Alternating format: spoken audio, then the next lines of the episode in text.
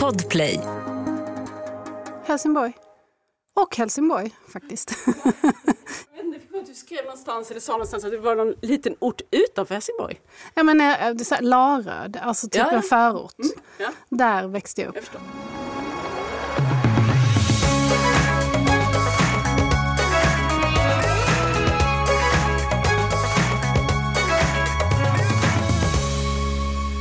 Hej hallå! Det här är Samtal om böcker avsnitt 31. Och det sägs ju att vi har ett val varje dag och varje minut. Jag kan gå ut i köket, tömma diskmaskinen och fixa kvällens middag. Eller så kan jag gå ut genom dörren och aldrig mer komma tillbaka. 46-åriga tvåbarnsmamman Hermine, hon har ju hållit sig på den förväntade sidan om detta val. Men när hon inser att det går att gå ut genom dörren, ja då blir det åka av. Jag är Gud heter romanen vi ska prata om idag och dess författare Malin Karim är min gäst. Och på det ännu fler aktuella boktips. Och jag heter Lisa Tallroth.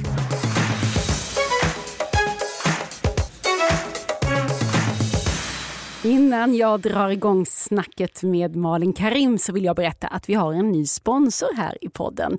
Bokhandeln Adlibris. Och de har ett erbjudande som kallas Månadens pärlor. Det betyder att de varje månad väljer ut fyra böcker som är såna där riktiga pärlor som har något alldeles extra. Kanske särskilt bra att diskutera för man får också bokcirkelfrågor till de här pärlorna.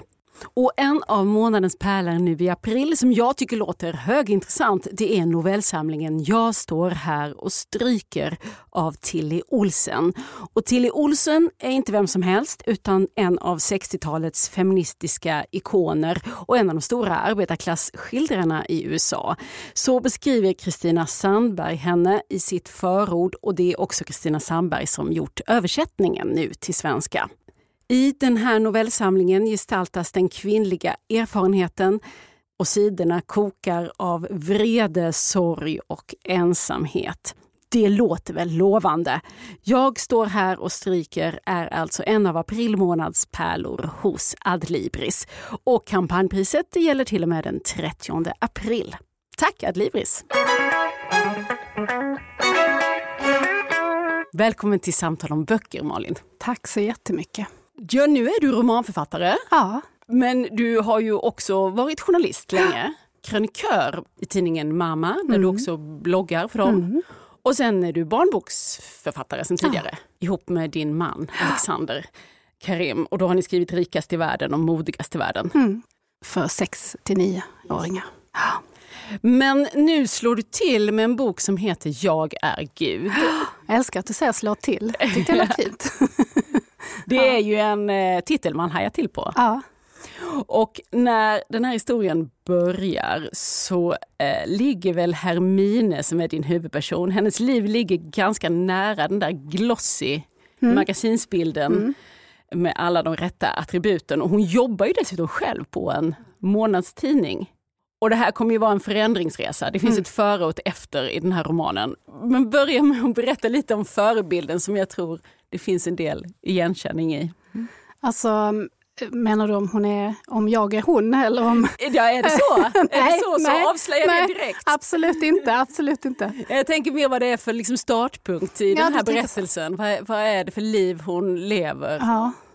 Ja, men alltså hon lever ju det här, jag ville liksom komma åt lite den här Instagram-perfekta eh, världen som vi alla lever i till och från lite nu. Men det här med att det finns mycket yta, det finns mycket, liksom, det är mycket poserande, mycket tillrättalagt. Och på ytan så ser det så perfekt ut, men, men hur är det egentligen på insidan? Liksom? Och hon lever ju då det perfekta livet på utsidan. Hon har bra jobb, snygg man, fint hem, trevliga barn, alltså utåt sett. Liksom. Men inne i henne så skaver det ju och känns ju inte alls eh, så perfekt som det borde vara. Och där kan det också finnas den här lite dåliga samvetet att hon kanske känner att men shit, jag har ju allt, det här borde ju vara, jag borde ju vara jättelycklig. Vad är det som inte stämmer liksom? Och det var det jag ville liksom komma åt med hela den här historien. Och vad är, bland annat. Ja, och vad är det som börjar skava hos Hermine? Ja, men det är så mycket. Alltså det, ju, det känns ju bara som att hon har liksom drunknat i sig själv. Hon är helt vilsen. Hon vet inte vem hon är. Hon vet inte vad hon vill. Om någon skulle sätta henne ner på en stol och säga så här, men vad vill du då? Då hade hon inte vetat vad hon vill. Hon jobbar liksom där hon jobbar och det känns mer som att hon bara gör det. Hon är gift med en man som ju är helt okej, okay, ganska egocentrisk och liksom så här, då, alltså, tar mycket plats och, och så. Men det finns ju liksom inget, han är ju inte elak och han är inte dum och det finns liksom ingen så här, och hon har två barn som ju är väldigt tonårs eh, sådär dryga. Men det, hon har ju liksom inget egentligt, jag tror bara att hon har liksom gått vilse. Mm. Och måste börja ifrågasätta, massa saker händer som gör att hon måste börja ifrågasätta, vem är jag och varför har jag hamnat här? Hur har jag hamnat här? Och har jag valt detta egentligen? Jag tänker några konkreta saker är väl att hon finner sig vara den som ska tillfredsställa andras behov ja. väldigt mycket. Det är mycket service, eh, ja. på, eh, hem, markservice hemma. Och det är ju också en arbetssituation hon har på den här redaktionen där hon jobbar, där hon tycker att hon måste ställa upp på saker som hon inte står för. Hon skjuts mot en punkt när det mm. briserar. Mm. För jag tänker att det här livet som å ena sidan du kallar perfekt, det är ju också något ganska vardagligt i det. Ja, ja. Alltså, ja, ja. Jag tror att många känner igen mm, sig mm. i det. Och det, man, klart, man kan fundera på om, om man tycker att det där är perfekt Nej, eller inte. Nej, det beror på vad man är. Liksom, men jag tänker på de, stand, alltså de mått som vi sätter upp. Liksom. Om du bara tittar på till exempel Instagram, som är en liten ankdamm. Men om du tittar på det och ser liksom vad det är som, vilka är det som har många följare och hur presenteras det? Så finns det ju en, en, en bild av att man ska liksom vara, eh, men du ska träna, du ska ha det perfekta jobbet och du ska liksom gå på AV med dina väninnor och så ska du samtidigt ta hand om dina barn och eventuella husdjur. Och liksom råd, alltså, det finns ju någon slags superkvinna-ideal som, som ju känns väldigt liksom pålagt och som inte... Och helst ska det vara lite lagom tokigt, stökigt också ibland. Precis, och, beroende, ja, ja, men precis, och beroende på liksom var i livet du befinner dig så ser mm. såklart det perfekta olika mm. ut. Liksom. Men för hennes, i hennes liksom, sociala grupp och hennes liksom, omgivning så är det här då det perfekta det, det, det, är dit man strävar på något sätt. Och vi ska prata om vad hon gör, mm. Eh, för det är det som är den största delen mm. av romanen, när topplocket går på henne. Men jag bara tänkte ändå den där, för du har ju skrivit en, en skruvad, ja, ja, gud, rolig, ja. liksom galen bok. Ja. Men jag tänker att det finns väl lite ändå en egen story i det här också, att, att du själv började ställa dig de där frågorna. Ja, alltså jag, jag hamnade precis som Hermin blev jag utbränd eh, och sjukskriven då från mitt jobb och jobbade ju på en tidning. Liksom. Eh, och var journalist, men har ju alltid velat skriva, skriva, alltså författarskriva egentligen. Och Eh, när jag då gick in i väggen så började man ju ifrågasätta allt. Men hur har jag hamnat här vad hände och varför är det så här? Och så. Sen är min historia helt separat från hennes, vill jag poängtera. Jag agerade inte ut på det sättet och det var inte samma faktorer som bidrog heller. Men det blir ju att man börjar fundera och då börjar man också titta på samhället runt omkring sig och hur ser det ut och börja filosofera och liksom tänka kring det mycket. Att du också började ifrågasätta vad det är du håller på och Jo, men alltså, jagar? alltså det som jag kände när jag blev utbränd och som, jag känner, som hon också känner ju, det är det att man får nog. Att man har, liksom, man har tänt sig själv eh, liksom så mycket så att man, om man har försökt vara till lags, var min grej, att alltså där, ja, ja, ja, men jag fixar, jag fixar, jag fixar. Framförallt yrkesmässigt kände jag. Eh, att jag hade liksom tänjt på mig själv och aldrig sagt nej och bara jobbat, jobbat, jobbat, jobbat. Sen hade jag en privat situation som var liksom, och det var inte, men det var inte den som var huvudproblemet utan det var liksom att jag inte kunde sätta gränser för mig själv i yrkeslivet och att man jobbar, eller jag jobbade i miljöer där det liksom krävdes mycket. Eh, så att jag kände väl också bara att jag fick, båda fick nog och att man känner att det är ingen som tackar mig för att jag vänder ut och in på mig själv och total negligerar allting som jag känner och vill och bara säger ja och försöker tillfredsställa andra. Det finns liksom, jag tjänar ingenting på det i längden. Fast att jag tror att jag tillfredsställer det i stunden på något sätt. Och, ehm, och just i det där så mm. låter du ganska lik din huvudperson, mm. att det liksom, nu kommer en punkt här när mm. du får vara nog. Ja. Uh, och vad kommer Hermine fram till att hon ska göra? Ja, men hon lämnar ju man och barn och bestämmer sig för att hon ska liksom bryta mot världsordningen på något sätt och komma åt de här osynliga reglerna i samhället som begränsar framförallt kvinnor, eh, men oss alla. Liksom. De här och vad bottnar de osynliga reglerna i? Och när hon filosoferar med sig själv och har någon slags inre liksom, monolog så kommer hon fram till att hon ska då begå de sju dödssynderna. För när man tittar på de sju dödssynderna så är det ju fortfarande saker som framförallt kvinnor straffas hårdare för än män. Och som det blir väldigt, du vet, vi ska inte äta för mycket och lilla gumman och tänk på figuren och nej, hon så full, gud vad hemskt, nu måste du vet. En man kan vara asdragen på en firmafest och då är det så här, ja men du vet Göran igår såg du, herregud. Om det är en kvinna så, så döms det mycket hårdare. Så jag ville komma åt dem och det är väl de också som hon bestämmer sig för att då ska hon ta in på hotell och sen ska hon beta av en dödssynd per dag och ge sig själv en vecka där hon ska liksom göra revolt helt enkelt. Ett poddtips från Podplay. I podden Något Kaiko garanterar östgötarna Brutti och jag, Davva, dig en stor dos skratt. Där följer jag pladask för köttätandet igen. Man är lite som en jävla vampyr. Man har fått lite blodsmak och då måste man ha mer. Udda spaningar, fängslande anekdoter och en och annan arg rant. Jag måste ha mitt kaffe på morgonen för annars är jag ingen trevlig människa. Då är du ingen trevlig människa, punkt. Något Kaiko, hör du på Podplay. Därför är gardinerna. Så nu ska vi inte spoila hela boken, det blir ju liksom en ganska vild resa här. Men eh, hur gick du tillväga när du släppte loss henne? Eller finns det ett fältarbete här också som, Nej, du, vill, nej. som du vill berätta om? Nej, det vill jag absolut eh, säga att det finns det inte. Eh, Jag har gjort väldigt lite research. Jag har bara gått på Ja, men jag jobbade mycket efter den här tesen. Vad händer om allting som man stänger inom sig hela tiden och som man skulle vilja säga i olika situationer, om man bara släppte loss det, vad händer då? Liksom? Och så satte jag henne i olika situationer där hon liksom stöter på eh, saker där man kanske egentligen själv skulle bara sitta tyst och, och sen skulle man komma på jättemånga bra comebacks efteråt. Eller man skulle gå och tänka på det här och älta det här. Och hon får bara ösa ur sig det under tid, i realtid. Liksom. Och det var ju väldigt härligt att bara få, få sätta sig i den mindsetet liksom, och vara, här fick jag ju vara då.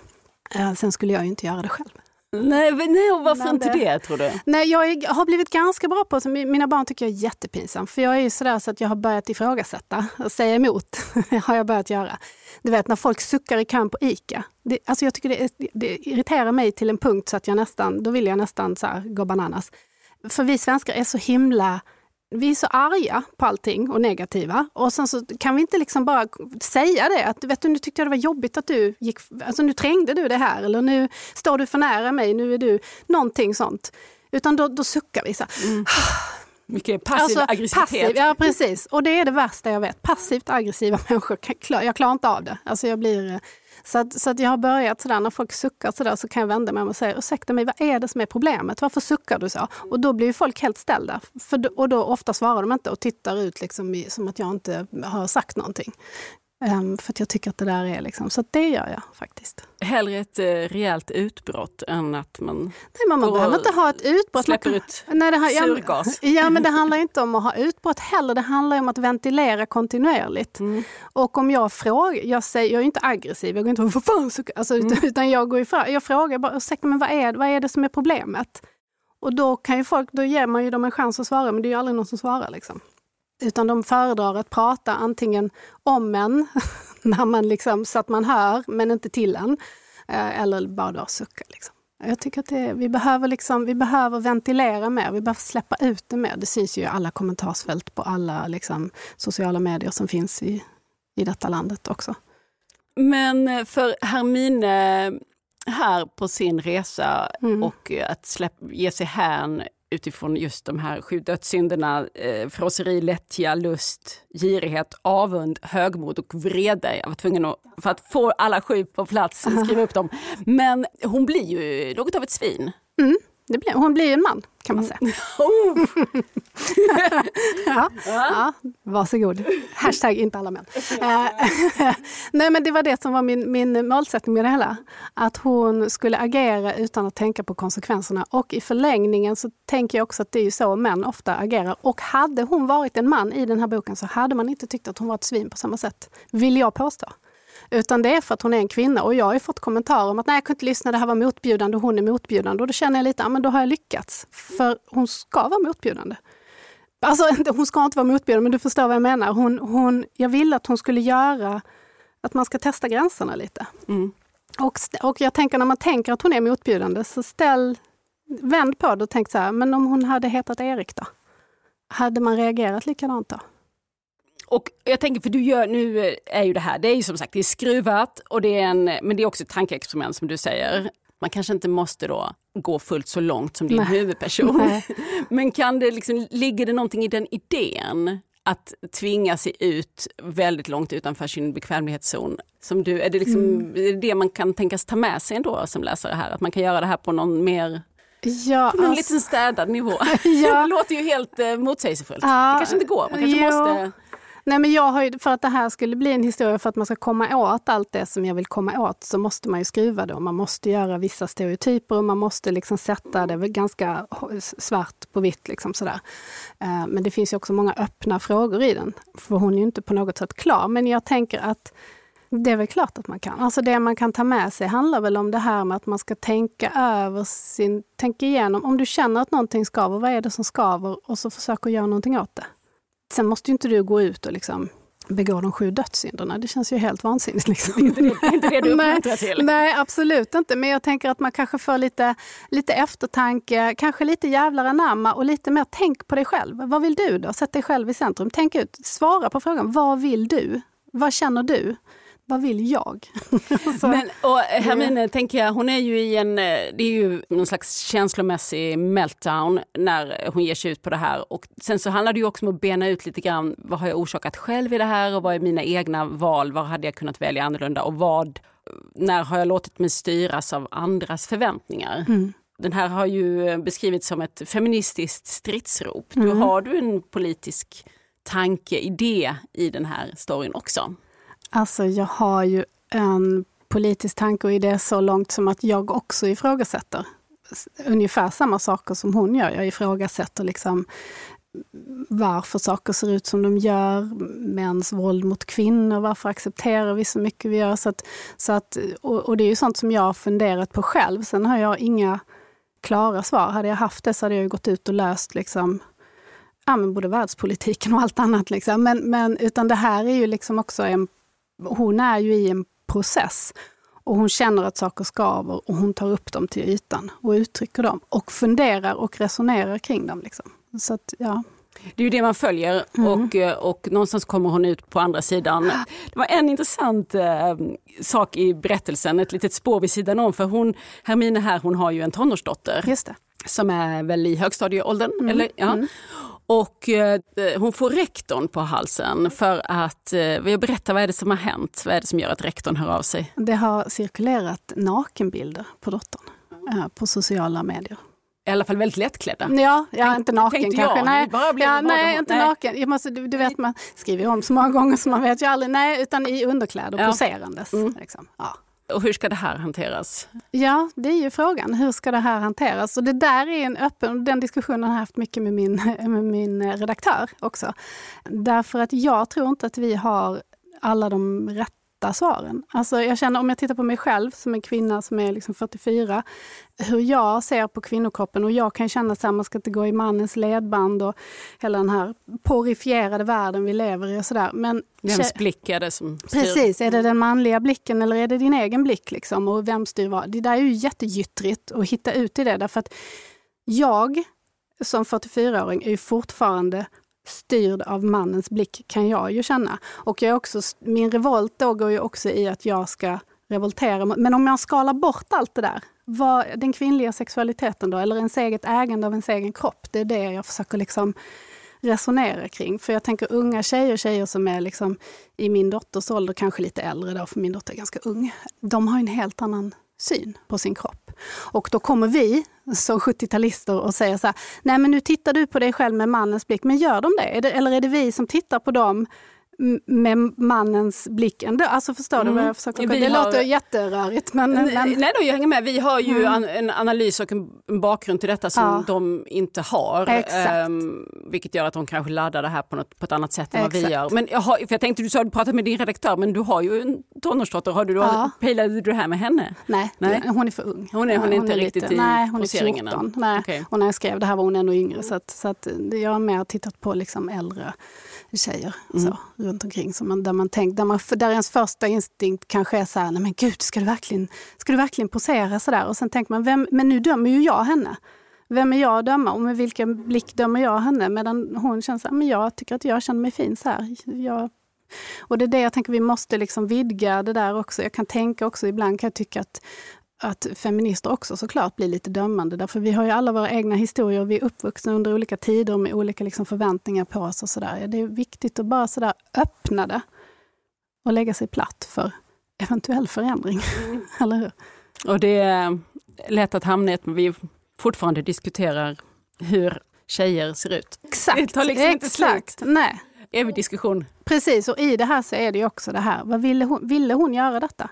Tänker jag. Alltså vill hon göra detta? Det är en diskussion som du låter dem mm. ha i boken mm. mellan mm. rektor, mm. mamma och dotter. Mm. Också en del av att Hermine börjar ja, börjar liksom ompröva sina gamla idéer. Mm. Men eh, Hermine, jag har ju svårt att läsa det namnet utan att ja. tänka på Hermione. Jaha, nej. Det är alltså, ingen sån koppling. Nej, nej, det här är en jättekonstig koppling. Nu kommer folk tycka att jag är märklig. Alltså, men det Harry är min, Potter menar jag. Ja, nej, jag vet. Nej, men det här är alltså min yngsta sons bästa kompis heter Hermin. och jag tycker att det är ett sånt fint namn. Ja.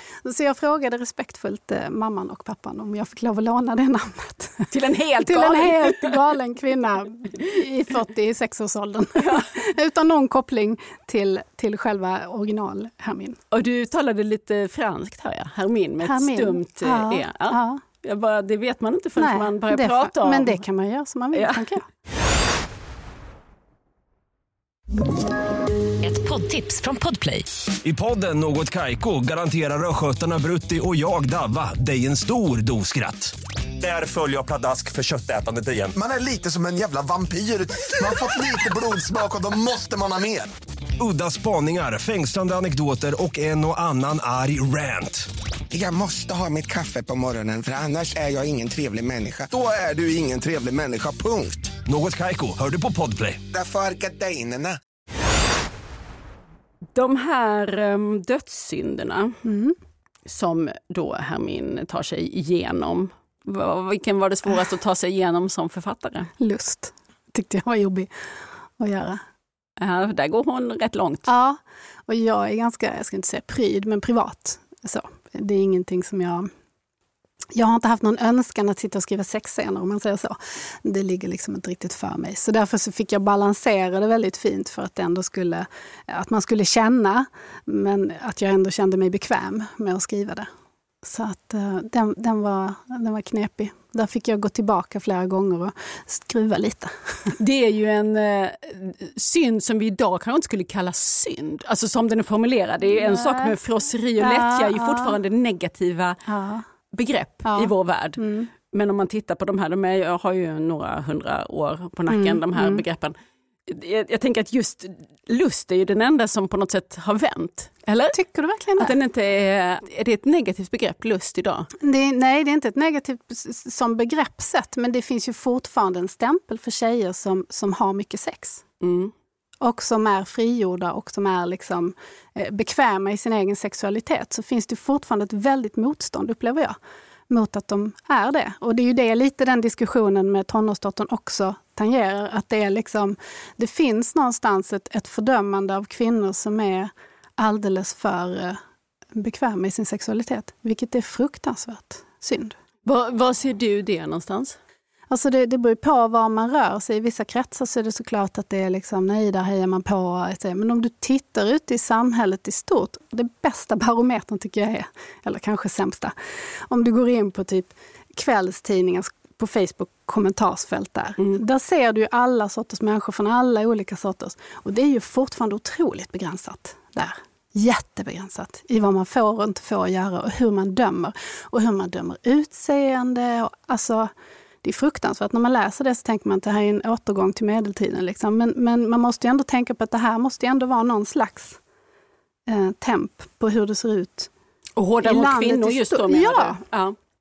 Och det kan jag ju uppleva själv mm. nu till exempel. Inte för att jag är sådär ute och, och svänger runt sådär. Men de, de få kommentarer man får, liksom, där är det ju också sådär man ska veta sin plats. Och det är så att, oh, det är en högljudd bok, bok som har skrivits med mycket så här, oh nej, jag kan ju bara prata för mig själv och, och när man skriver och sådär och man blir liksom publicerad, då kommer ju de här mm. grejerna.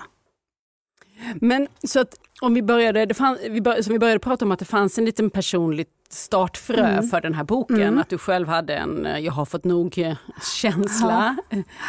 Hur har du kommit ut på andra sidan? Din, du gjorde ju inte då den här resan som eh, Her- Hermin gör Nej. med att eh, gå bananas runt om i Stockholm utifrån de sju dödssynderna. Nej. Men jag tänker att eh, du vill nog att hon ska landa på ett bra ställe Mm. ändå. Och, och vad, hur kan ett sånt okej ställe se ut? Det är det jag tänker att du kanske befinner dig på det nu. Ja, men men att det man- kanske du inte gör. Jo. Ja. Jo, det tycker jag. Nej, men att, man, att man är tillfreds med sig själv. Att man mår bra invändigt och känner liksom att man gör så gott man kan. Men det, och det handlar inte om att allting måste då vara perfekt eller att man är, står upp för sig själv i alla situationer. Och är sådär, utan att man bara känner att man gör så gott man kan. Det var ju jättesvårt för mig. Ja, det var Mm. jättesvårt för mig. För jag, det skulle liksom, jag var ju så duktig flicka och sådär. Eh, Så det är jättesvårt att känna att ja, men jag gör så gott jag kan. Även om jag gör fel ibland, säger fel saker eller handlar fel. Eller liksom så, så gör jag ändå så gott jag kan. Och jag gör det med eftertanke faktiskt. Mycket mer nu än på autopilot som jag kanske gjorde lite mer innan. Alltså just det här med att så här, vill du göra det här? Ja, var liksom rekylsvar. Så här. nu tar jag det lite lugnt, andas och tänker. Det är väl det det handlar om.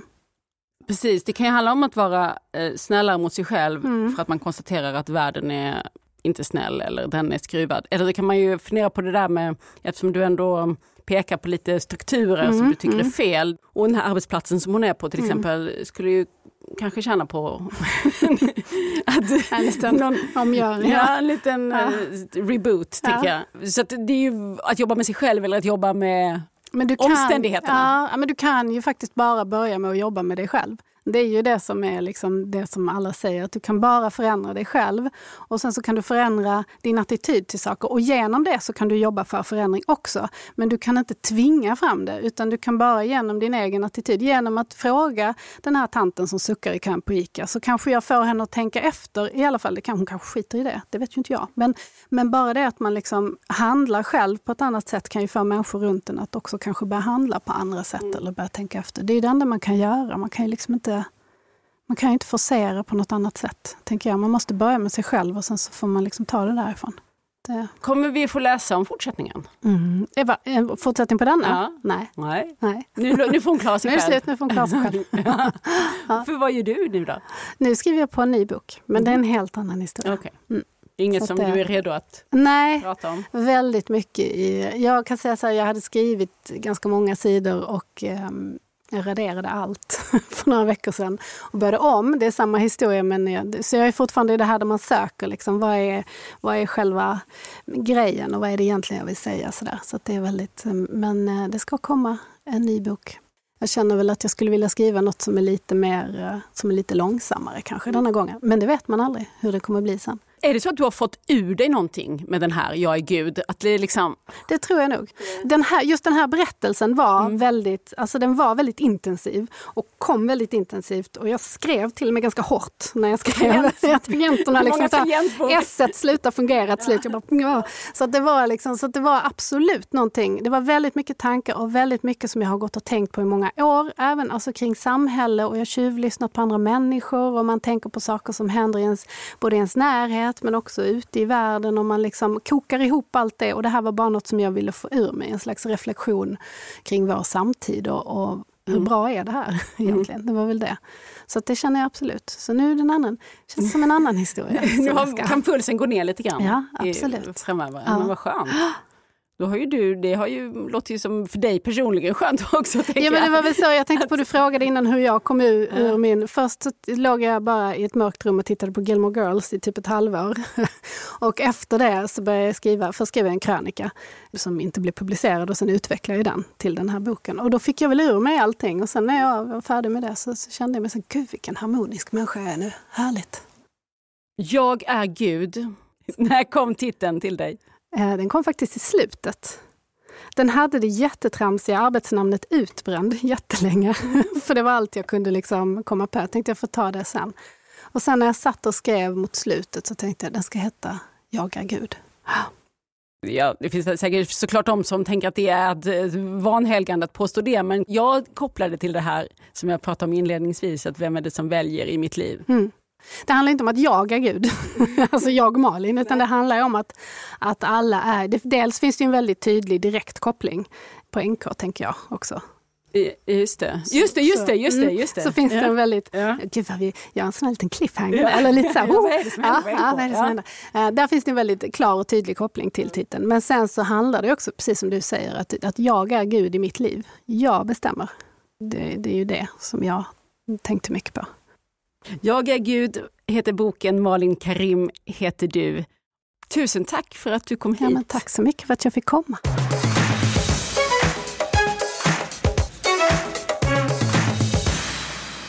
Jo, nu har vi en ny stjärna här i Samtal om böcker. Hon heter Karin Isaksson, är redaktör för Bookie.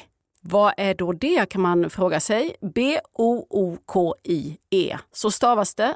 Och det här är, jag trodde bokklubb. Du rättade mig lite där.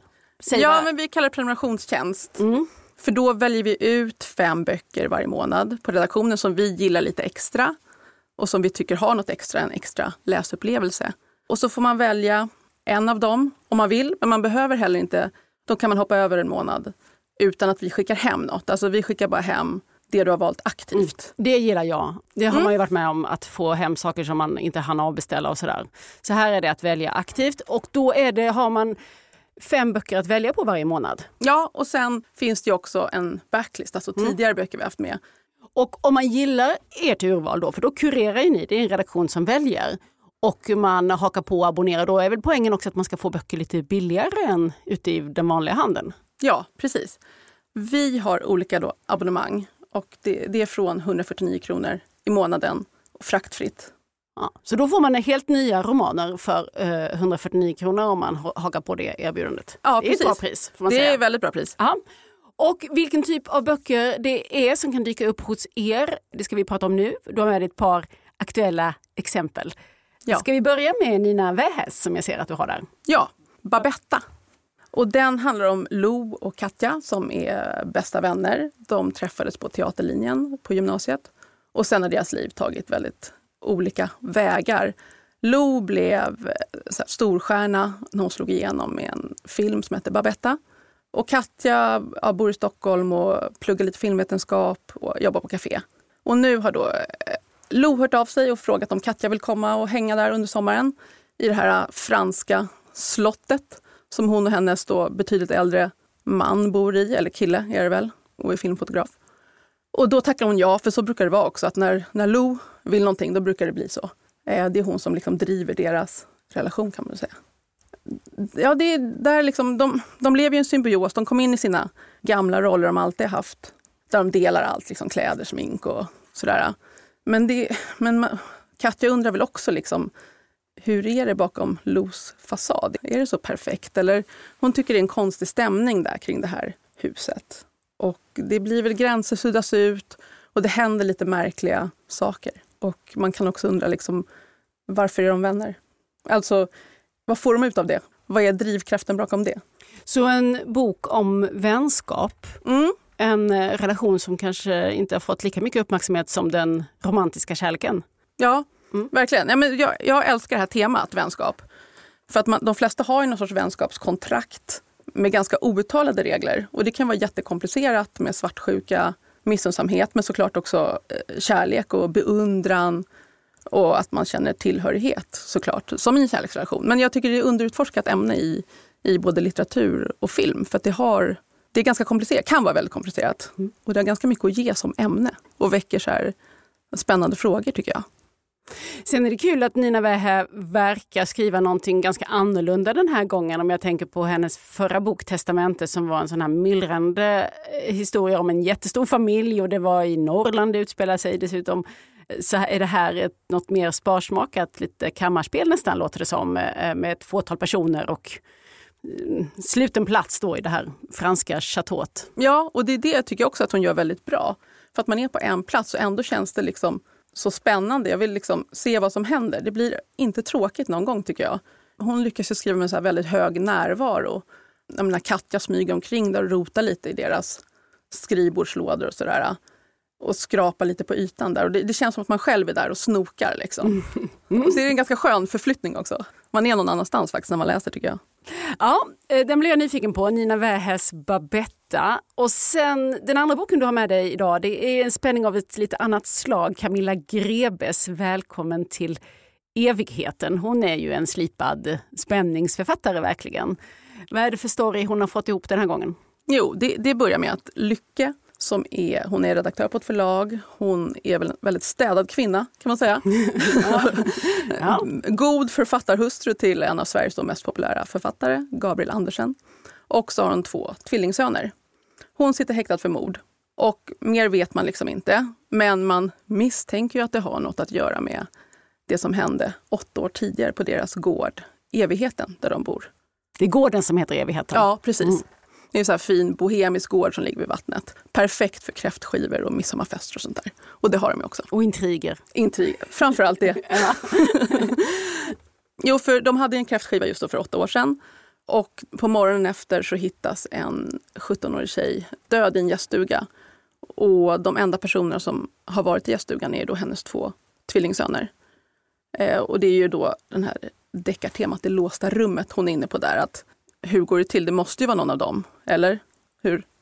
Ja, och då känner man verkligen, hur ska hon lösa det här? Ja, och hon är väldigt bra på att eh, luras, Camilla Grebe. Hon har lurat mig förr när man tror att man har räknat ut det. Så har hon hittat en helt annan vändning i slutändan. Är det... Mm, du kommer bli lurad igen, tror jag. Ja. Mm, nej, hon gör det jättebra. Hon, hon syr verkligen ihop det här så snyggt. Det här låsta rummet. Man är liksom fortsätter vara nyfiken hela tiden. Och så lyckas hon liksom placera ut små detaljer som man tänker är betydande för, av en annan orsak. Men sen visar sig de detaljerna vara bärande i upplösningen. Just det. Och påminn mig nu, hur är det med Camilla Grebe? Hon har skrivit många böcker men de sitter inte ihop eh, så tajt va? I, så att det är en serie? Nej, de känns fristående. Men, men serien heter Flickorna och mörkret. Och det är en eh, utredare som återkommer, Manfred. Man behöver inte ha läst något tidigare av henne och det bygger inte på att man måste ha någon kunskap om vad som hänt tidigare. Nej. Och jag tycker att det, det är liksom relationerna och de här personerna som driver handlingen och även eh, liksom lösningen på gåtan framåt. Camilla Greves Välkommen till evigheten. Och bägge de här romanerna då, Nina Wähäs Babetta och denna Välkommen till evigheten, är ju då utvalda hos er på Bookie. Så vill man haka på ett erbjudande där kan man få dem till ett riktigt bra pris också. Bookie.nu eller på Instagram. Precis. Ni är en sån här modern bokklubb som Jajamän. finns digitalt. Ja. Perfekt. Karin Isaksson, tack för att du kom hit. Tack Lisa. Tack för idag. Nästa gång vi hörs här i Samtal om böcker så blir det en specialare om litteratur för unga vuxna, young adult som det heter på förlagsspråk. Och det kan man väl beskriva som att personerna som skildras som regel är unga, läsarna kan vara unga eller gamla vuxna eller vad som helst mittemellan.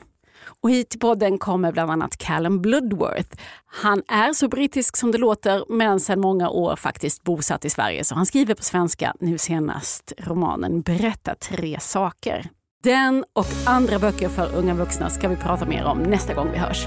Det avsnittet finns ute redan på fredag i gratisappen Podplay, annars lördag på alla andra ställen. I sociala medier heter vi Selma Stories och jag heter Lisa Tallroth. Hej då!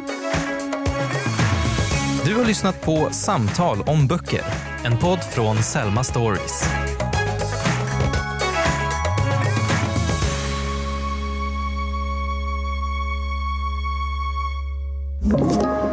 Podplay. Ett poddtips från Podplay. I fallen jag aldrig glömmer djupdyker Hasse Aro i arbetet bakom några av Sveriges mest uppseendeväckande brottsutredningar. Går vi in med hemlig telefonavlyssning och, och då upplever vi att vi får en total förändring av hans beteende. Vad är det som händer nu? Vem är det som läcker? Och så säger han att jag är kriminell, jag har varit kriminell i hela mitt liv men att mörda ett barn, där går min gräns. Nya säsongen av Fallen jag aldrig glömmer på Podplay.